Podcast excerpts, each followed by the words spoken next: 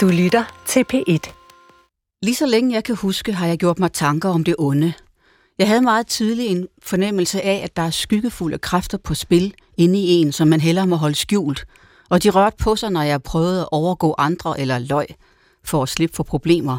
Eller bare blev overmandet af den her stærke følelse af trods, der ikke altid var rettet mod noget konkret, men så på en gang føltes både ynkelig og underligt frydefuld. For man kan godt opfyldes af en sær fornøjelse ved at have magt til at vælge det onde. De her ord, de er fra min egen bog, Fri os fra det onde, og de afslører nok, at emnet ligger mig en del på sinde. Jeg blev faktisk præst i høj grad for at komme til at forstå mere om den her mærkelige placering, mennesket sat i mellem ondt og godt. Og i dag skal vi tale om ondskab. I lytter til Sorine og Kærligheden. Jeg hedder Sorine Godfredsen og har sammen med producer Mikkel Clausen skabt det her program for at finde frem til den livskraft og kærlighed til livet, der kan blive ved med at opfylde os på trods af alt det, der måtte modsige den. Og det må man jo sige, at det onde gør. Min gæst i dag, det er dig, Najib Kaya. Velkommen til programmet. Tak. Du er journalist og filminstruktør og forfatter, og du har lavet film om krigene i Afghanistan og Syrien. Du har arbejdet for Danmarks Radio og TV2 og lavet dokumentarfilm også for internationale medier som BBC og Al Jazeera. Jeg ved, at din familie stammer fra Afghanistan, men du er født og opvokset her i Danmark. Og alt det kommer vi til at vende tilbage til. Men her til indledning, så vil jeg godt spørge dig om, hvor du mener, ondskaben kommer fra. Jeg mener, at ondskaben, og når jeg siger mener, så, tror, så vil jeg sige tror, fordi øh, når det gælder sådan nogle ting, som er uhåndgribelige, øh, så så er jeg ikke altid, altså så er jeg ikke den type, som, øh, som, øh, som, som taler med fuld overbevisning om det, jeg mener. Det er bare lige, det er mit forbehold. Men, øh, men jeg tror, at det kommer fra, fra miljø i høj grad. Det kommer, fra op, op, det kommer af den opdragelse, som vi får. Det kommer af traumer. Det kommer af de ting, vi bliver udsat for. Og det kommer også øh, fra gener. Altså jeg tror, der er nogen, der er lidt mere disponeret. Altså man kan arve ondskab? Ja, altså i hvert fald til at gøre det, som mange definerer som ondskab. Øh, at man kan arve det. Altså nu, nu tænker jeg på for eksempel øh, nogle mennesker, de er psykopater. Hvad er det, der gør, at man er psykopat? Øh, jeg tror på, at det har noget at gøre med arv og miljø. Altså, at det er en blanding af de her ting her. Godt, vi kommer til at tale meget mere om det, og inden vi går videre, så skal jeg, som jeg plejer her i programmet, fremsætte et postulat angående dagens tema. Og i dag lyder postulatet sådan her. Et menneske ved godt inderst inde, når det er ondskaben, man tjener, også selvom man kalder det noget andet. Tror du, det er rigtigt? Et eller andet sted, så tænker jeg også, at det handler om ord. Øh, fordi når jeg taler om øh, forfærdelige ting, som jeg for eksempel har bevidnet i kraft af mit arbejde, jamen, øh, så kan man godt kalde meget af det for ondskab også. Øh, det er jo, altså sådan, det er ondt jo. Spørgsmålet er bare så, er, er, er, det, er det en mørk kraft? Men ved den enkelte selv, at det er det onde, man tjener? Nogle gange gør de, og andre gange gør de ikke. Altså nogle gange, øh, der, der er jeg ret sikker på, at folk ved, at det for eksempel er egoisme, og det er nydelse. Altså, øh, altså man får en nydelse ved andres smerte, ved at undertrykke andre, ved at ydmyge andre, gøre andre fortræd. Øh, så tror jeg på, at nogen er bevidst om det, men andre gange er de ikke bevidst om det. Så tror jeg, at de tjener en god sag. Det oplever jeg for eksempel i ekstremistiske miljøer. Dem kommer vi tilbage til, og jeg tror, vi kommer løbende ind på det her. Det er også derfor, jeg har formuleret postulatet sådan her, for det vil være i i centrum af meget af det, vi taler om. Og vi vender tilbage til det til sidst, som vi plejer. Nu skal vi tale lidt om Afghanistan, fordi i din film, som hedder Mit Afghanistan, som du lavede i 2012, der prøvede du at lade nogle almindelige afghanere øh, optage og registrere deres hverdag. Og det er en hverdag fyldt med krig og død og fattigdom, og selvfølgelig også i sådan et kaos, ondskab. Og der er kun to gange i filmen, hvor netop det ord bliver brugt. Der er en scene, hvor man hører nogle mænd, der taler om, at de har fundet resterne af en vejsidebombe. og så ser man noget, der ligner sådan en hvid kasse med ledninger, der stikker ud, og så er der en, der siger, en vejsidebombe er et ondt redskab. Hvorfor er det lige nøjagtigt den genstand, der får en til at sige ordet ondskab? Jamen det gør man, fordi at vejsidebomber ret ofte også rammer uskyldige mennesker. Altså i en krig er der jo som regel to parter eller flere parter, der bekriger hinanden.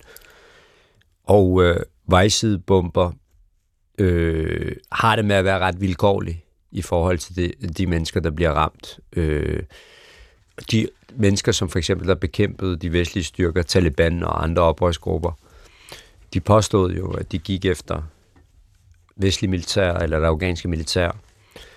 Men der var en, en uproportionel stor andel af de her vejsidebomber, som ramte civile. Og, og så jeg er ret sikker på, at de her mennesker, som sidder og taler om den her vejsidebombe, at de henviser til det, at, at, at, det, at det er ondt, fordi, fordi det, det er noget, som kan skade nogle øh, udenforstående, nogen, som er helt uskyldige i den her krig. Og det er jo sådan en krigslogik, for man kan jo også sige, at liv er liv, og at dræbe en anden er vel grundlæggende ondt, uanset om den anden er civil eller er, er noget andet. Er det ikke sådan der?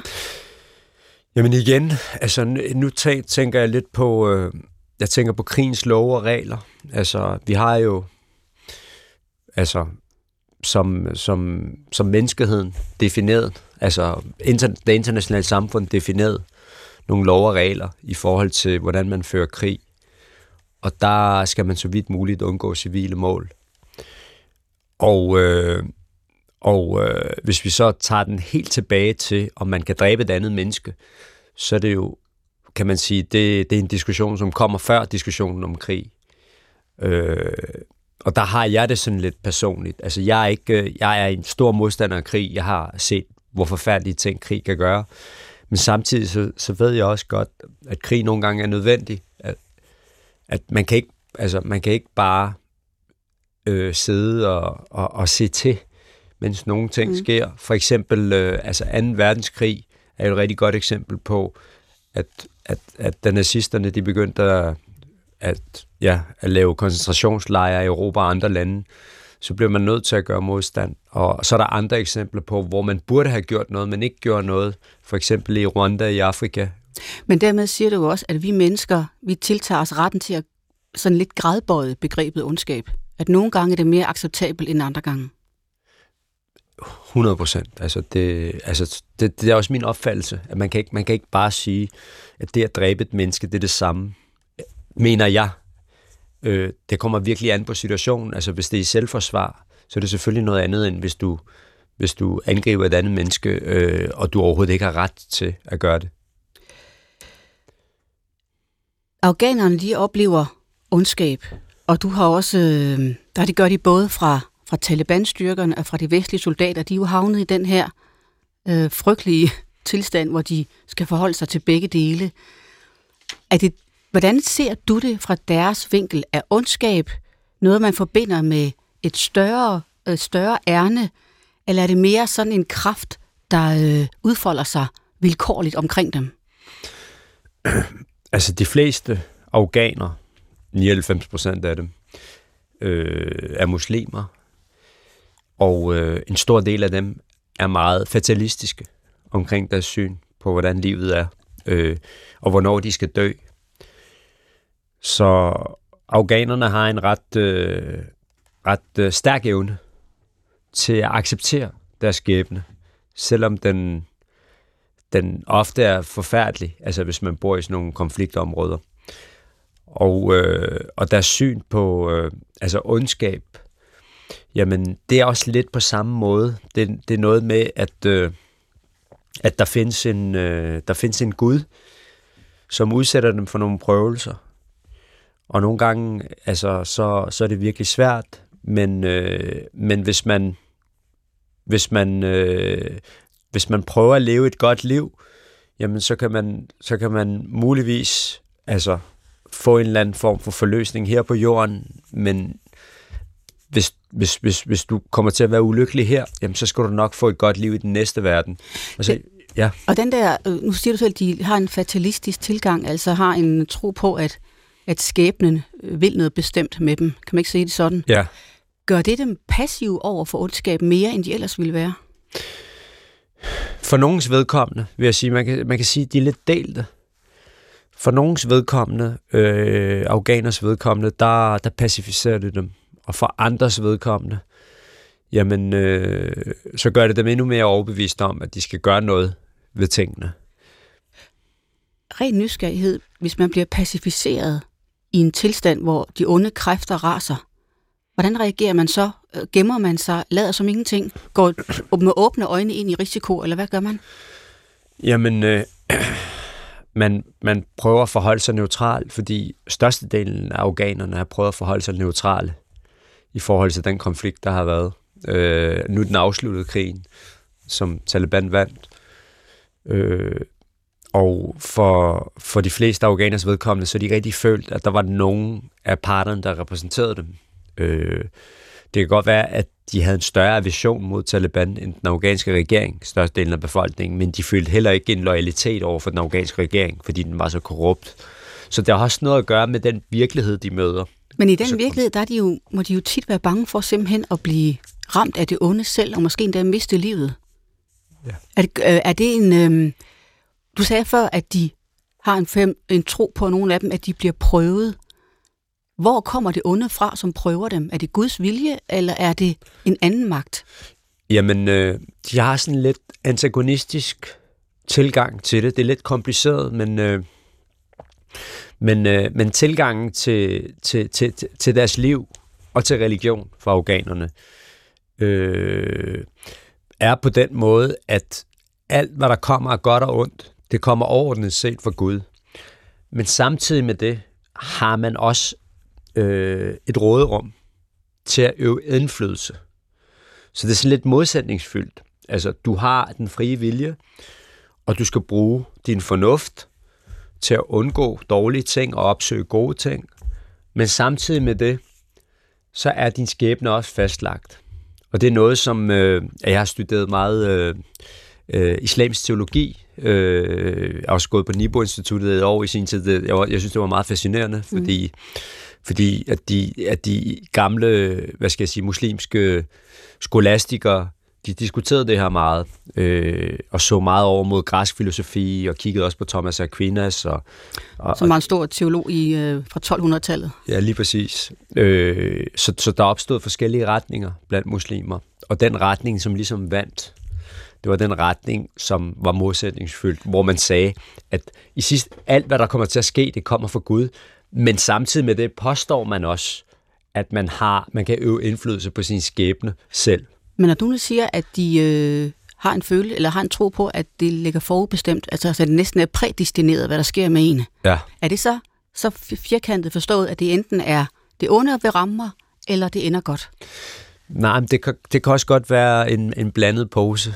Altså en blandet pose bolcher, der rammer ind. Det er ikke sådan, altså, man har ikke sådan opfattelse af, at, øh, at man enten altså får et liv, hvor man kun bliver udsat for ondskab eller kun godhed. Det er et, hvad skal jeg sige, et meget multifacetteret liv, hvis man skal sige det på den måde. En af de teologer, som jo har øh, tænkt meget om det onde i den vestlige kultur, det er Martin Luther, som jo levede i 1500-tallet. Og Luther, han troede på djævlen som en figur, med, der kunne sidde her under bordet sammen med os, han har sagt lige nu. Tror de også på djævlen, de mennesker, du beskriver nu? Øh, ja, det gør de. Hvordan ser han ud? Jamen, djævlen i, øh, i øh, islamisk teologi øh, bliver, bliver beskrevet på forskellige måder, men, men minder meget om den kristne øh, djævel. Øh, bortset fra, at, øh, at han, er, han er skabt af hvad nu, der hedder, en røgfri ild, siger man. Og han bliver kaldt for Iblis, og han er en falden, falden engel, som nægtede at bukke sig for, for Adam. Øh, han var arrogant, øh, ifølge den islamiske tradition. Øh, og så blev han øh, forvist. Så på den måde minder det også om, øh, ja, meget. om, om den kristne opfattelse af djævlen. Og, og djævlen er en, som prøver at lede så mange som muligt med sig i helvede. Og han er en, der visker, waswas kalder de det for, i Mellemøsten og den muslimske verden, som visker til folk. Og hvad siger han? Og han, han prøver at friste dem til at gøre ting, som er ondt, apropos ondskab. øh, prøver at skade deres næste, i stedet for at elske deres næste. Han, øh, han prøver at, ja, at, at, at forstærke ens øh, egoisme og ens, øh, ens had. Så, så det, er, det er en, som, som hele tiden er omkring en. Men man kan skabe nogle situationer, hvor man kan gøre det svært for ham at være hos en. Og, altså i de religiøse miljøer, der, der, der, der, der beder man meget og gør nogle bestemte ting, som man er anbefalet at gøre, fordi så vil djævlen være mindre opsøgende. Hvad kan man for eksempel gøre ud over at bede? Jamen, man kan gøre gode gerninger. Altså, man kan gøre næstekærlige ting. Øh, øh, være god mod sin bror, mod sin søster, som det hedder. Man kan, øh, man kan være gavmild.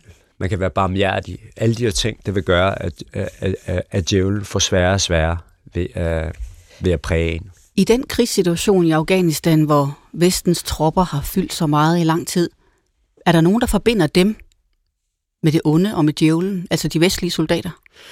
Ja, altså Taliban gør. Men også, og, de, også de civile afghanere? Og, ja, øh, der er også en del af civilbefolkningen, som opfatter de vestlige soldater som nogen, som, som er der for, fordi de er onde, fordi de gerne vil lukrere på Afghanistans rigdom. Altså, der er en øh, opfattelse blandt afghanere, en opfattelse af, amerikanerne og de vestlige soldater, de var der for at, for at øh, stjæle Afghanistans ressourcer og så videre. Altså, Men mener jeg også, de står i ledtog med djævlen lige frem?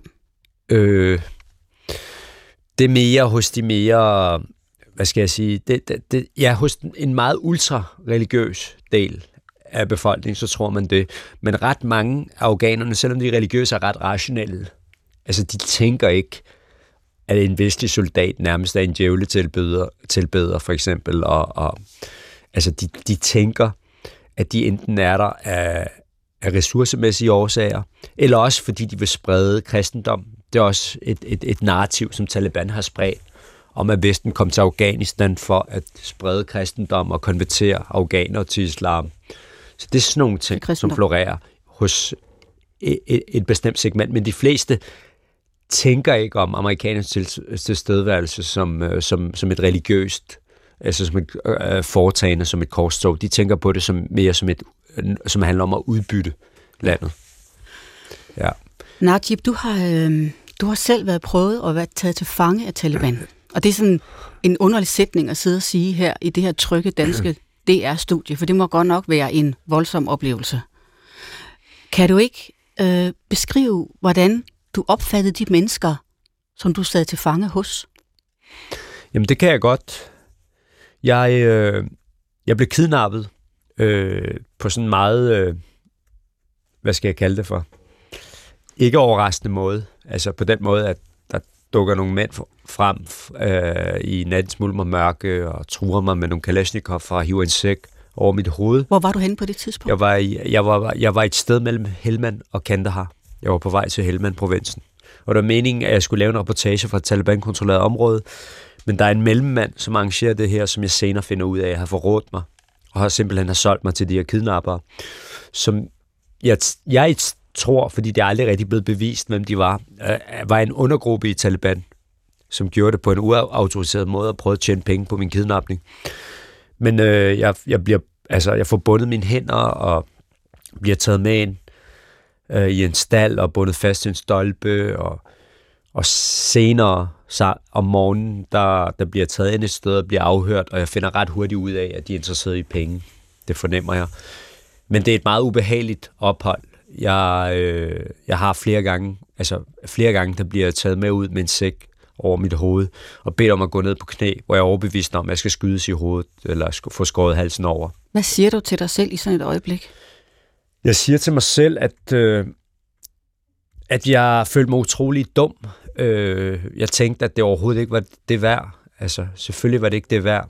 Mit arbejde og det, jeg prøvede at afdække, det var ikke mit liv værd. Det var ikke, øh, det var ikke de forfærdelige, altså den, de forfærdelige ting, som min familie skulle udsættes for, på grund, i kraft af min skæbne.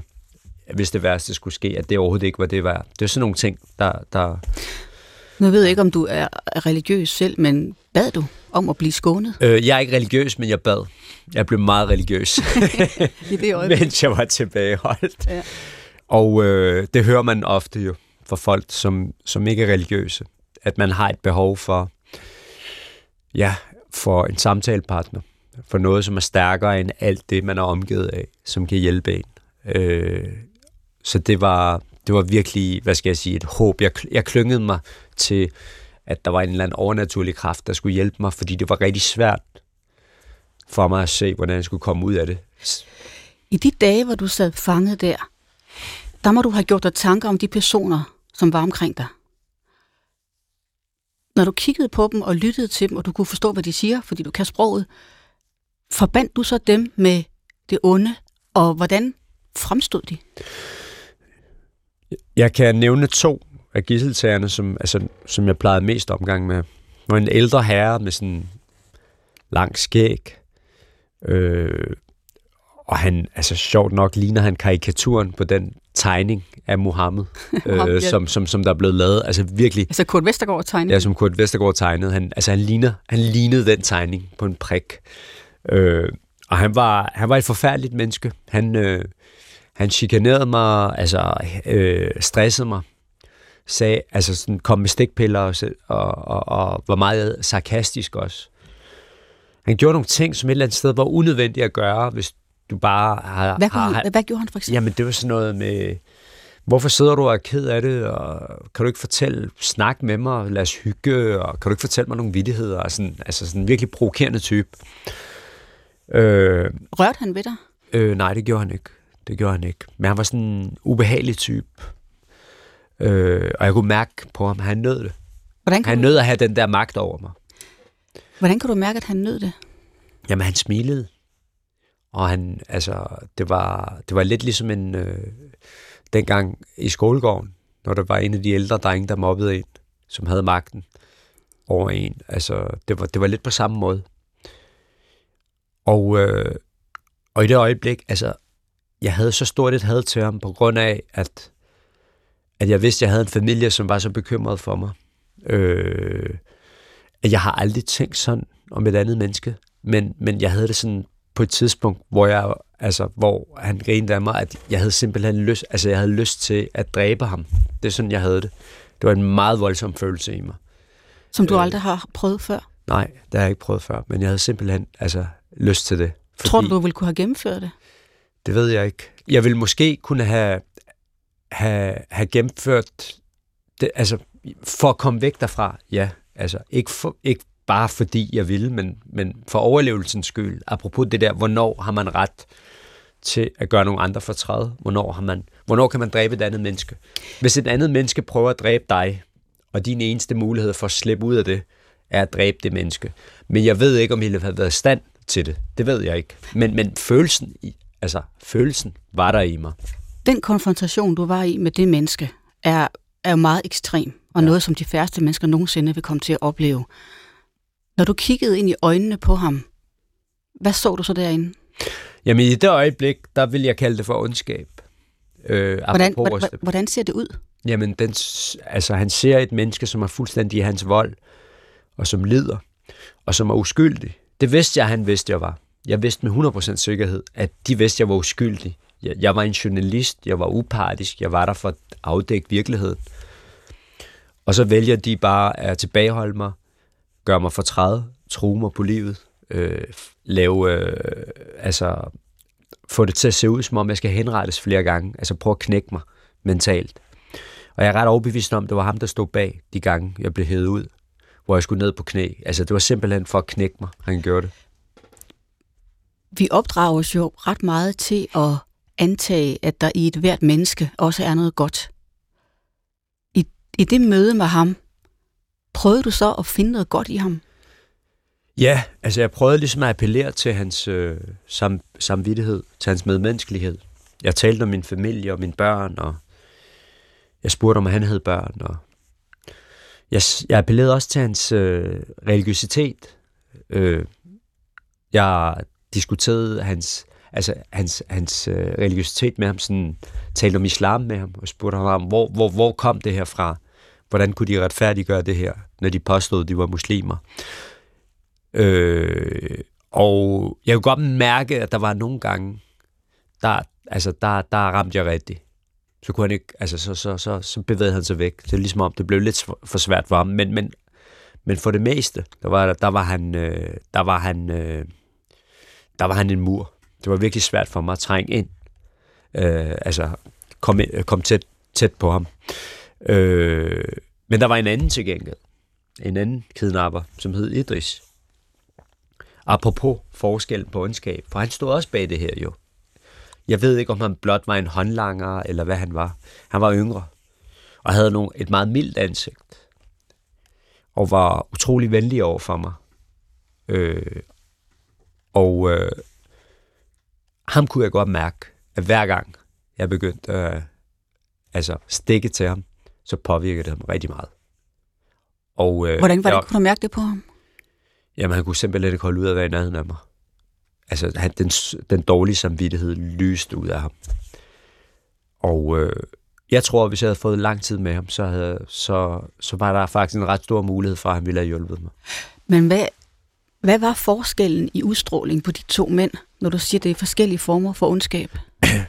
Jamen, at den ene af dem, han nød at have mig kidnappet og øh, ydmyge mig og, og terrorisere mig. Den anden, for ham virkede det som om, det var en pålagt pligt. Det var lidt ligesom om, han var nødt til det. Hvorfor han var nødt til det, det ved jeg ikke. Om det var fordi, han var blevet presset til det af en chef, eller om det var økonomisk nødvendighed, at han måske havde et helt forfærdeligt øh, økonomisk situation, og han gjorde det af, af den grund. Jeg ved det ikke. Når du så øh, stod ansigt til ansigt med ham, hvad var det så ved ham, der gjorde, at du vidste, hvad du skulle sige for at påvirke ham? Jamen, øh, jeg sagde faktisk de samme ting til dem begge. Øh, jeg talte om de samme ting. Jeg talte om mig selv. Jeg prøvede at menneskeliggøre mig selv. Jeg prøvede at menneskeliggøre mit bagland. Og jeg prøvede at forstå, hvor han kom fra os. Hvad det var for et liv, han kom fra. Og, og jeg, jeg diskuterede også etik, moral, religion og sådan nogle ting med dem. Så det er sådan nogle ting, hvor jeg trængte, altså, jeg trængte igennem hos Idris, men ikke hos ham den anden.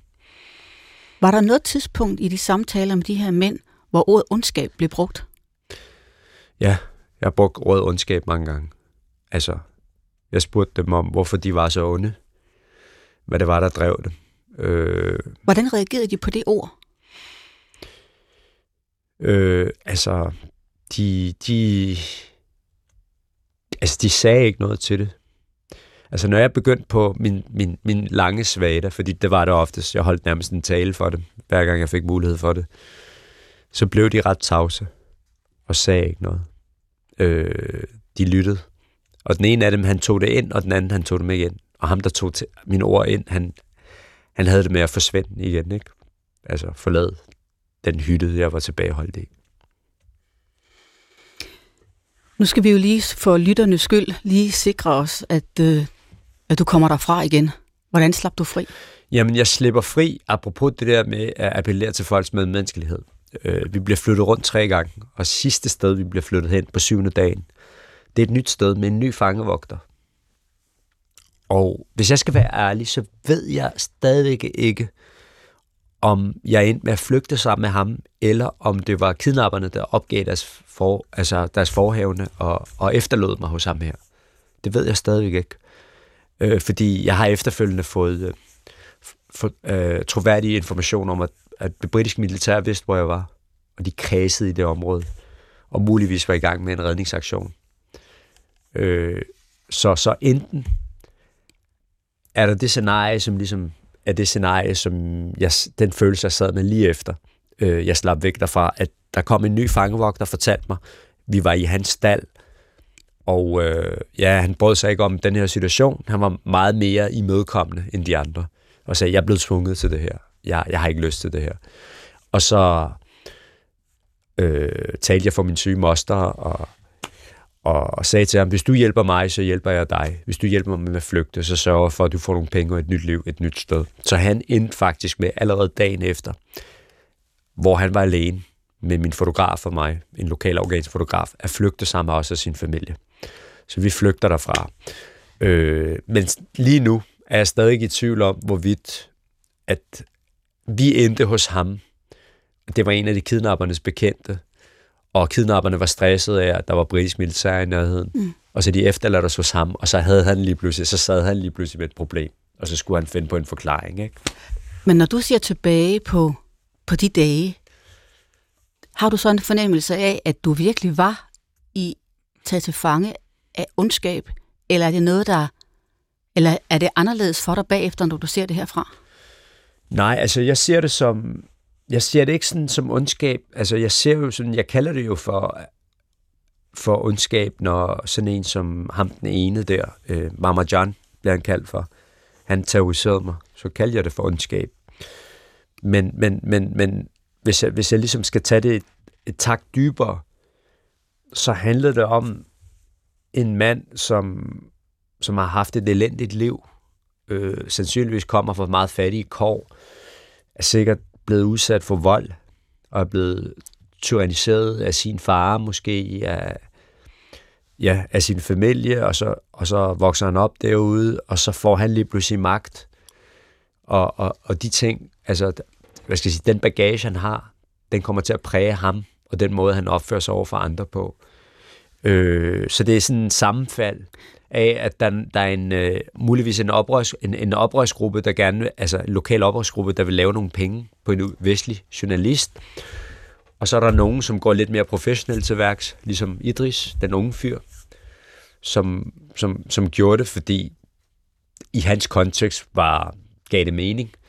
Men han havde det svært ved det, og så er der ham den anden, der nød det, fordi men, han kom fra et andet sted. Men det du gør nu, det er, at du, du laver sådan en, øh, en meget moderne analyse i virkeligheden, ikke? Ja. Hvor du øh, forklarer det onde ved opvækst og det, man har været udsat for. Og det er også helt sikkert en del af forklaringen på vores måde at opføre os på. Men der er jo den risiko for den øh, analyse, at man trækker ansvaret væk der er jeg enig fra med den dig. enkelte. Enig. Ham, den modbydelige af de to, Ja. har vel også et ansvar for at bremse sig selv og ikke at ydmyge en anden helt unødvendigt. Enig. Øh, jeg mener selvfølgelig, altså nu nævner jeg arv og miljø, men, men, men man har også det frie valg. I sidste ende, så er det dig selv, der beslutter for, dig for, om du vil gøre noget eller ikke vil gøre noget. Altså, det, det mener jeg også. Jeg mener bare til gengæld, at der er nogen, der er mere disponeret i retning af at træffe det forkerte valg. Det vil sige det onde valg. Og det har noget at gøre med, altså, men det fritager dem ikke for ansvar. I sidste ende har man et ansvar.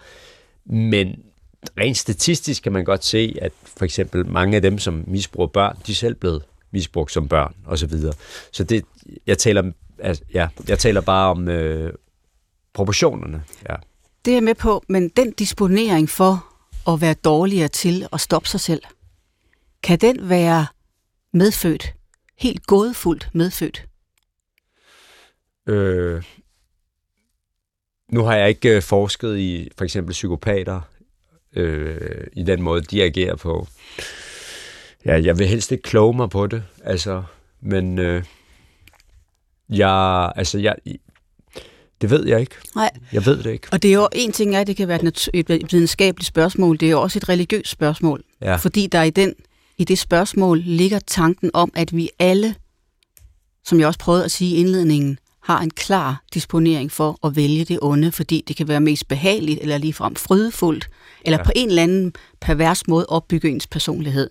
Mm. Og fordi vi alle sammen er udstyret med den mulighed, så er vi også alle sammen øh, virkelig forpligtet på at bekæmpe det. Så det. Og hvis man ikke bekæmper det nok, kan det være, fordi man simpelthen ikke øh, tager det onde alvorligt nok, eller faktisk ønsker at tjene det. Det er den religiøse tilgang til det, at man svigter sit etiske, religiøse ansvar over for sit medmenneske. Enten fordi man øh, nyder det, eller fordi man simpelthen ikke tror nok på, at der findes en Gud, Mm. som mener, man skal gøre det. Altså, jeg mener jo også i meget høj grad, at man skal bekæmpe det. Øh, jeg, jeg tror, jeg har rodet mig ud i ret mange situationer, hvor jeg har set ubehagelige ting foregå foran mig, hvor jeg har gjort noget og udsat mig for mig selv også. Og nogle gange, når jeg har haft nogle venner eller familie med mig, og for nogle ubehageligheder, ikke? fordi jeg blandede mig. Så jeg, jeg er meget enig med dig i, at alle mennesker, de har et ansvar for det. Og så kan man, man kan begrunde det religiøst, men man kan også begrunde det moralsk, mener jeg. At, fordi at, altså, hvis, hvis vi hver især altså, ikke tager et ansvar på os, så bliver det, så bliver det jo en glædebane. Øh, og sådan, altså, det er jo ligesom også derfor, jeg laver det, jeg laver. Altså hele mit arbejde er drevet af, at jeg føler, at jeg har et ansvar. Og der er der nogle gange nogen, der siger til mig, jamen, det er jo ikke dit ansvar, hvad der foregår andre steder i verden. Men det, det føler jeg, fordi, fordi, fordi jeg er så heldig, at, at jeg er vokset op. Jeg er født og opvokset i Danmark, og har fået nogle redskaber, har fået en viden og fået ressourcer. Det kan jeg bruge til at udrette noget godt. Du er øh, opvokset øh, på det københavnske Vestegn ja. i 80'erne og 90'erne. Også i et miljø, hvor man godt kunne komme i, i det forkerte selskab. Ja. og der har du også omkring dig set folk, ja.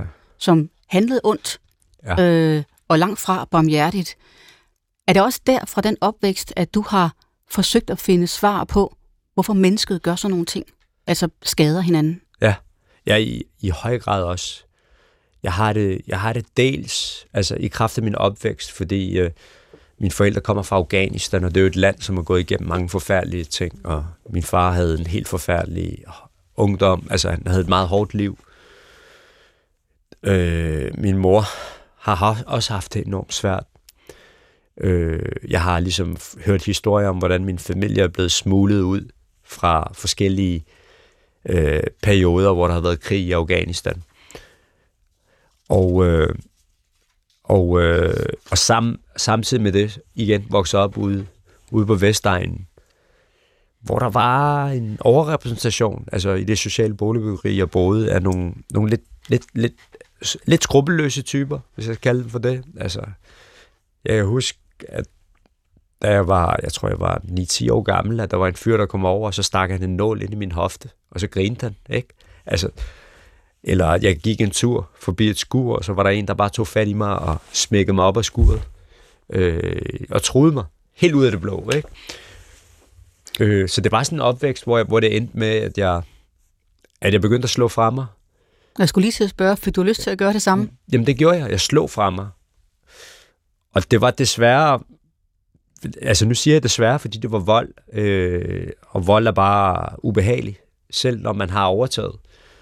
Men det hjalp. Det hjalp på min situation. Det gjorde, at jeg kunne, jeg kunne gå rundt i fred og ro. Det gjorde, at, øh, at jeg ikke blev chikaneret i så høj grad. Var der, var der en stemme inde i dig, der så sagde, nu er jeg færdig med at tjene det forkerte? Ja, altså jeg kunne godt mærke nogle gange, når jeg var rodet ind i et slagsmål, og jeg fik overtaget, at, øh, at, at der kom en eller anden følelse af, at, hvad skal jeg sige, hvad skal jeg kalde det for? Øh, sejrsrus og man skulle stoppe sig selv. At man skulle stoppe sig selv. Altså, fordi det handlede ikke om, altså det handlede om det nødvendige. Hvad er det, der er nødvendigt for at stoppe det her? Så du siger, der skal er... Man, skal man så gå skridtet videre og ydmyge den anden person også? Altså, hvis jeg for eksempel, jeg oplevede, at jeg blev, at jeg blev overfaldet for eksempel en gang, øh, og så fik jeg overtaget i et slagsmål, og så var der den der følelse, altså lysten, det ligger i hos alle mennesker, lige at gå skridtet videre og give ham en ekstra en på hovedet. Men det er der, hvor jeg virkelig, altså, der kunne jeg godt mærke i mig selv, der går grænsen mellem det nødvendige og... Det er virkelig ja. interessant, at ja. du siger, at du kunne mærke, at der går grænsen. Ja. For det er jo der, punktet er, om man begynder at nyde ja. og gøre det onde, og faktisk synes, man vokser, mens mm. man gør det. Ja. Hvordan kunne du vide, at grænsen gik der? Jamen, det kan du se i deres blikke jo. Det kan du se i en anden hvordan kan, Hvordan kan man se det? Jamen det kan man, altså jeg kan godt se, når en person begynder at blive bange og fortvivlet. Altså en person går fra at have et, et hårdt, ondt blik til lige pludselig, at man gerne vil, altså at man gerne vil, øh, at, man, at man underkaster sig, hvis man siger det på den måde, eller man, man, man, man gerne vil slippe, at man gerne vil skånes, et blik, hvor man gerne vil skånes. Er det, er det kan du se den andens blik, at han nu kan se på dig, nu kan ham der gå hele vejen? Øh, nogle gange, nogle gange, ja, så, så kunne jeg godt se det. Det kunne jeg godt. Og det er noget sådan, når du, når du vokser op i sådan et miljø, hvor vold er så udbredt, så handler det rigtig meget om, om mange af de der små ting. Øh, og det er også noget, det er kun altså ude i, hvad skal jeg sige, ude i det rum, øh, ude på gaden, i sådan et hårdt ungdomsmiljø, men for eksempel også i en boksering, øh, jeg har også bokset, der kan man også godt se på et tidspunkt, altså hvornår modstanderen begynder at blive fortvivlet. Øh, og der, øh, altså en af grundene til, at jeg aldrig blev en dygtig bokser, det var simpelthen, fordi jeg ikke kunne få mig selv til at slå igennem på folk, som, altså for sjov, fordi boksning er jo for sjov, det er jo en sport, men jeg havde ikke det der killerinstinkt i mig, fordi som bokser skal du, når du har overtaget, så skal du blive ved, og det kunne jeg ikke. Så begyndte jeg ligesom at jabbe på folk, sådan slå meget blødt, og altså, ja, så og det, det interessante er når jeg, jeg tabte et par kampe på det. Nogen vil jo netop sige, at boksning ikke er en sport. At ja. vi faktisk vi kalder det sport, men det er i virkeligheden for alvorligt til at være sport. Ja. Fordi man kan få den oplevelse, som du havde, at ja. der er for meget på spil. Ja, det bliver simpelthen for ubehageligt. Ja. Jeg synes simpelthen, det var... Altså, jeg kunne godt lide at spare, sådan stå for sjov og chatte og slå halvhårdt. Men lige så snart det gik hen og blev sådan noget med, hvor man kunne se, at den anden fik det ubehageligt, så, så, så ligesom om, så, så havde jeg en bremse i mig, ikke? Vi skal lige have Søren Kirkegaard ind i programmet. Og det skal vi, fordi at jeg godt lige vil have begrebet trods ind i samtalen. Fordi det der med at være, føle sig trodsig, både over for øh, det, som bekæmper en, men måske endda også kunne føle sig trodsig over for det, der er godt, som jeg også prøvede at sige i min indledning. Mennesker kan godt nogle gange have en helt gådefuld lyst til at modsige alt for at hæve sig selv. Og Kierkegaard er en moderne tænker jo, i modsætning til Luther og de gamle drenge, så er Kierkegaard jo moderne, levet i 1800-tallet, og for ham er djævlen ikke længere en figur, der sidder udenfor, men er rykket ind i vores sjæleliv. Så han taler om det djævelske, men ikke om en figur. Nu skal du høre, hvad han siger i Sygdommen til døden. Der siger Kierkegaard, Djævelens fortvivlelse er den mest intensive fortvivlelse, til djævlen er ren ånd og for så vidt absolut bevidsthed og gennemsigtighed – der er i djævlen ingen dunkelhed, som kunne tjene til formidlende undskyldning. Hans fortvivlelse er derfor den absolute trods. Og det er Kirkegaards forsøg på at forklare os, den, at den onde kraft, som, kan, som er i os, Kirkegaard troede også på syndefaldet, at vi har, altså vi simpelthen har det med os, at den onde kraft i os, den er den rene, uforfalskede trods mod alt, hvad der er godt. Og den tanke er god at bære med, fordi det kan et moderne menneske godt sætte sig ind i. Den bærer jeg også med mig. Det er ikke sikkert, at jeg tror på djævlen som figur, men jeg tror på, at det djævelske er i mig. Tror du også på det? Ja, altså i symbolsk forstand. Så hvad, jeg, hvad mener du med symbolsk forstand? Jamen, det mener altså, at, at vi, har, vi har det der potentiale. Jeg, lige, altså, jeg gav det eksempel tidligere med, at for eksempel, at der er en person, der vil afstraffe mig, da jeg var teenager. Og så ender det med, at jeg får overtaget. Og så handler det ikke, lige, altså, så handler det ikke om at, øh, at, at, at blive fri fra hans, øh, hvad skal jeg sige, afstraffelse. Så lige pludselig så handler det om hævn. Men, der, hvor man så stopper sig selv. Og når det går hen og bliver hævn, altså, hvor det bliver, hvor det bliver noget, altså, hvor man ender det sted, hvor man nyder det, så kan man et eller andet sted godt kalde det for, man kan godt kalde det for djævelsk, altså det er det, jeg mener med metaforisk, at det er noget, som det er, det er unødvendig vold. Men du kalder det symbolsk og metaforisk, og øh, det vil mange mennesker give dig ret i. Men jeg er nødt til at spørge dig, om du har gjort den tanke, at det faktisk er en ond kraft, der besætter dig i det øjeblik, og bruger dig som redskab. Nej, det har jeg ikke. Altså, det tænker jeg ikke. Jeg tænker, sådan tænker jeg ikke. Jeg tænker ikke, at det er en ond kraft. Jeg tænker, at som, som besætter mig, jeg tænker, at det er et instinkt, eller det er det, det, det, det er en del af mig som menneske at have den inklination. Men hvor kommer og man skal den holde den fra? i skak. Hvor kommer den del fra i dig? Ja, det ligger jo i os alle sammen. Jo. Ja, altså. og nu er vi henne ved det der punkt, hvor ja. den religiøse må skilles fra den ikke-religiøse. Ja. For jeg får dig ikke til at give mig ret i, nej, nej. at der findes en, øh, en ond kraft. Ja. Men lad mig så til gengæld spørge dig, når man står i øjeblikket og skal vælge det onde fra, altså nydelsen ja. og ydmygelsen. Er det så din egen frie, gode vilje, der vælger det fra, eller får du hjælp et andet sted fra? Jamen, øh, for mig har det jo været en stor hjælp at få sådan en moralsk kompas af min far, som, som sidder meget dybt i mig. Øh, øh, jeg tror simpelthen på, at vi på et meget tidligt stadie i vores liv bliver formet meget. og vi får, altså der, der, der er nogen, der sætter et aftryk i os, og det er typisk især vores forældre.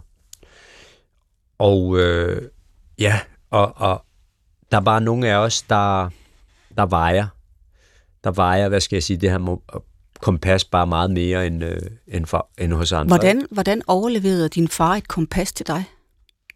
Jamen, øh, det gjorde han ved at, at tale rigtig meget om moral og om ansvar, om, øh, om hvorfor vi var i verden, om at, at ja, han talte rigtig meget om, at vi skulle bruge vores liv på nogle gode ting, og vi skulle ikke bare stå til og altså vi skulle ikke bare stå og kigge, når der foregik noget dårligt. Vi skulle, vi skulle, vi, altså vi skulle, vi skulle gøre vores, vi skulle alle sammen gøre vores til at gøre en forskel for andre mennesker. Også nogle gange, når det gjorde ondt.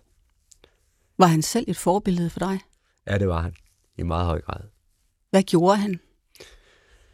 Jamen, han, øh, han var en mand, som forlod Afghanistan i en meget ung alder. Øh, meget skuffet og desillusioneret, fordi han havde haft et hårdt liv i et patriarkalt samfund, hvor han havde set hans mor blive behandlet uretfærdigt af hans, hans egen far, og øh, meget misogynistisk far, racist, øh, øh, hvad nu det hedder, øh, kvindeundertrykkende far. Øh, han havde heller ikke behandlet sine børn ordentligt. Han havde mistet en lillebror i en ung alder på grund af sygdom, og han mente, det var på grund af, at faren svigtede lillebroren. Så han var sådan traumatiseret af det. Og så flyttede han så til Vesten for at arbejde og søge, søge øh, nogle nye muligheder. Og der arbejdede han bare hårdt som specialarbejder, tog alle mulige småjobs, og, og han endte med altså, også at hjælpe hele min mors familie øh, ud af Afghanistan, mens der var krig. Så var en mand, der brugte rigtig mange ressourcer og kræfter på at hjælpe andre. Og tit er jeg stødt på folk, som har mødt om på hovedbanegården i 70'erne og 80'erne, hvor de har sagt, jamen så tog, mødte vi din far, og så tog han os hjem til, så, og så gav han noget mad, og gav os nogle penge eller lidt tøj, og sendte os ud igen, altså nytilkommende indvandrere. Så han var en meget sådan, altså sådan, en, en mand, der, der, der ikke kun hjalp sin nærmeste, men også fremmede. Og på trods af, at han havde en øh, svær barndom, og selv havde nogle traumer, kan du ja, høre? det kan jeg godt høre. Hvor, hvor kommer så hans kræfter fra til at gøre det gode? Det er et godt spørgsmål, det må jeg sige. Jamen, øh, det er et rigtig godt spørgsmål. Der må jeg være der svar skyldig. Det er i hvert fald ikke fra hans far. Der må have været nogle andre i hans liv, tænker jeg, der har givet om nogle ting. Vi lader den hænge der. Så kan man selv tænke, øh, hvad man selv forestiller sig. Vi skal nemlig nå postulatet igen. Og jeg, skal, jeg læser det lige højt en gang til. Et menneske ved godt ind af når det er ondskaben, man tjener, også selvom man kalder det noget andet. Lyder det anderledes nu, end da jeg læste op første gang? Ja, det vil jeg sige. Fordi jeg synes, øh, jeg synes du er meget god til at, at forklare dit begrebsunivers, så det giver mening. Også for folk, som, øh, som, som ikke er, altså, deler, hvad skal jeg sige, øh, dit religiøse syn på verden. Så det lyder anderledes. Det gør det. Og hvordan anderledes? Jamen, at jeg kan forbinde det med, med, med nogle af de begreber, som, som, som, som eksisterer i mit hoved og i mit sind, ikke? Øh, at det ligesom... Jeg synes, du har været meget god til at, hvad skal jeg sige, fortolke det for mig. Dit syn på verden på en måde, hvor... Altså, fordi umiddelbart for et, religi- når et religiøst menneske begynder at tale om ondskab og og begynder at tale om, øh, hvad skal jeg sige, nogle ting, som lyder meget åndelige til, til et ikke-religiøst menneske, så, så, så, er der, så er der ret mange, der godt sådan, meget sådan fordomsfuldt, det begynder sådan, åh oh, okay, det er sådan noget hokus pokus og så videre, ikke? men, men, men der synes jeg, der synes jeg, du gør det på en måde, hvor, øh, hvor man øh, har lettere ved, ved at være i synk med hinanden det punkt, der er så interessant, det er jo det der med, når man står, og det var det, jeg tænkte fra jeg var barn, altså står og er i færd med at sige noget, eller gøre noget, som man godt ved, en anden bliver ked af, eller ligefrem skadet ved. Og man så er i stand til at bremse sig selv, mens tid er. Altså tage en beslutning om ikke at gøre det. Og påtage sig ansvaret for den, der står over for en. Og det kunne jeg bare ikke som barn fatte, at jeg ikke var bedre til. Og jeg forstår det stadig ikke, men man kan jo som voksen lære noget selvbeherskelse og noget, få noget selvindsigt, så man bliver bedre til det. Men jeg kunne godt tænke mig at spørge dig, Najib, her hvor vi nærmer os afslutningen. Tror du, mennesket er overvejende godt eller overvejende ondt? Det, altså, det har jeg ikke rigtig nogen klar holdning til. Øh, jeg tror, vi er disponeret øh, til at være begge dele som udgangspunkt. Og så, altså de fleste af os, de fleste af os, tror jeg. Jeg tror også, som sagt, at der er nogen, der, der, bliver, altså, der bliver født med nogle, nogle gener, som gør, at, at, det, at, det er, at, at de er mere afstumpet. Det tror jeg også på. Øh, men men, men jeg, jeg, tænker, ja, jeg tænker som udgangspunkt, for de fleste vedkommende er det sådan lige fordelt. Talte din far med dig om, hvad det onde er? Ja, min far, han, øh, han talte med mig om det onde. Han, altså, og for ham var det onde, det var grådighed. Det var egoisme. det var også øh, totalitarisme politisk, i politisk forstand. Øh, men han var også en religiøs mand, så han talte også om det onde som, som, som noget, som kom altså fra en ond kraft, fra, fra, fra, fra en djævel. Det gjorde han også. Så han lyder som en, der er på min bølgelængde. I høj, meget høj grad. Tror du så også, din far, han, når han gjorde det gode selv, at han gjorde det, fordi han adlød sin Gud? Ja, det gjorde han. Ja. Får den viden dig til at overveje, hvad du adlyder i dit liv? Øh, altså jeg tænker, jeg, jeg mener dybest set, at om folk øh, tror på en Gud, eller, eller om de tror på, hvad skal jeg sige, øh, noget andet åndeligt, eller om de er drevet af, af, af moral, at man, altså, for mig, for mig at se, jeg føler ikke, at jeg er tættere på et andet menneske, bare fordi han er mere ra- rationalistisk, end du er. For mig handler det mere om, øh, det handler om værdier, og værdier, det er sådan noget som, som, øh, som øh, solidaritet med andre mennesker. Øh, hvad skal jeg sige? Øh, godhed, barmhjertighed. Sådan nogle ting. Altså, det, det, det, det, det er sådan nogle ting, som gør, øh, om jeg føler samhørighed med folk. Najib Kaya, jeg vil gerne sige stort tak, fordi du vil være gæst her i Surina og Kærligheden. Det er jeg glad for. Det har været virkelig interessant at tale med dig om det onde. Selv tak. Jeg hedder Sorine Godfredsen, og jeg har produceret programmet her sammen med Mikkel Clausen, der er producer, og redaktør er Christoffer Emil Brun. Og tak fordi vi lytter med.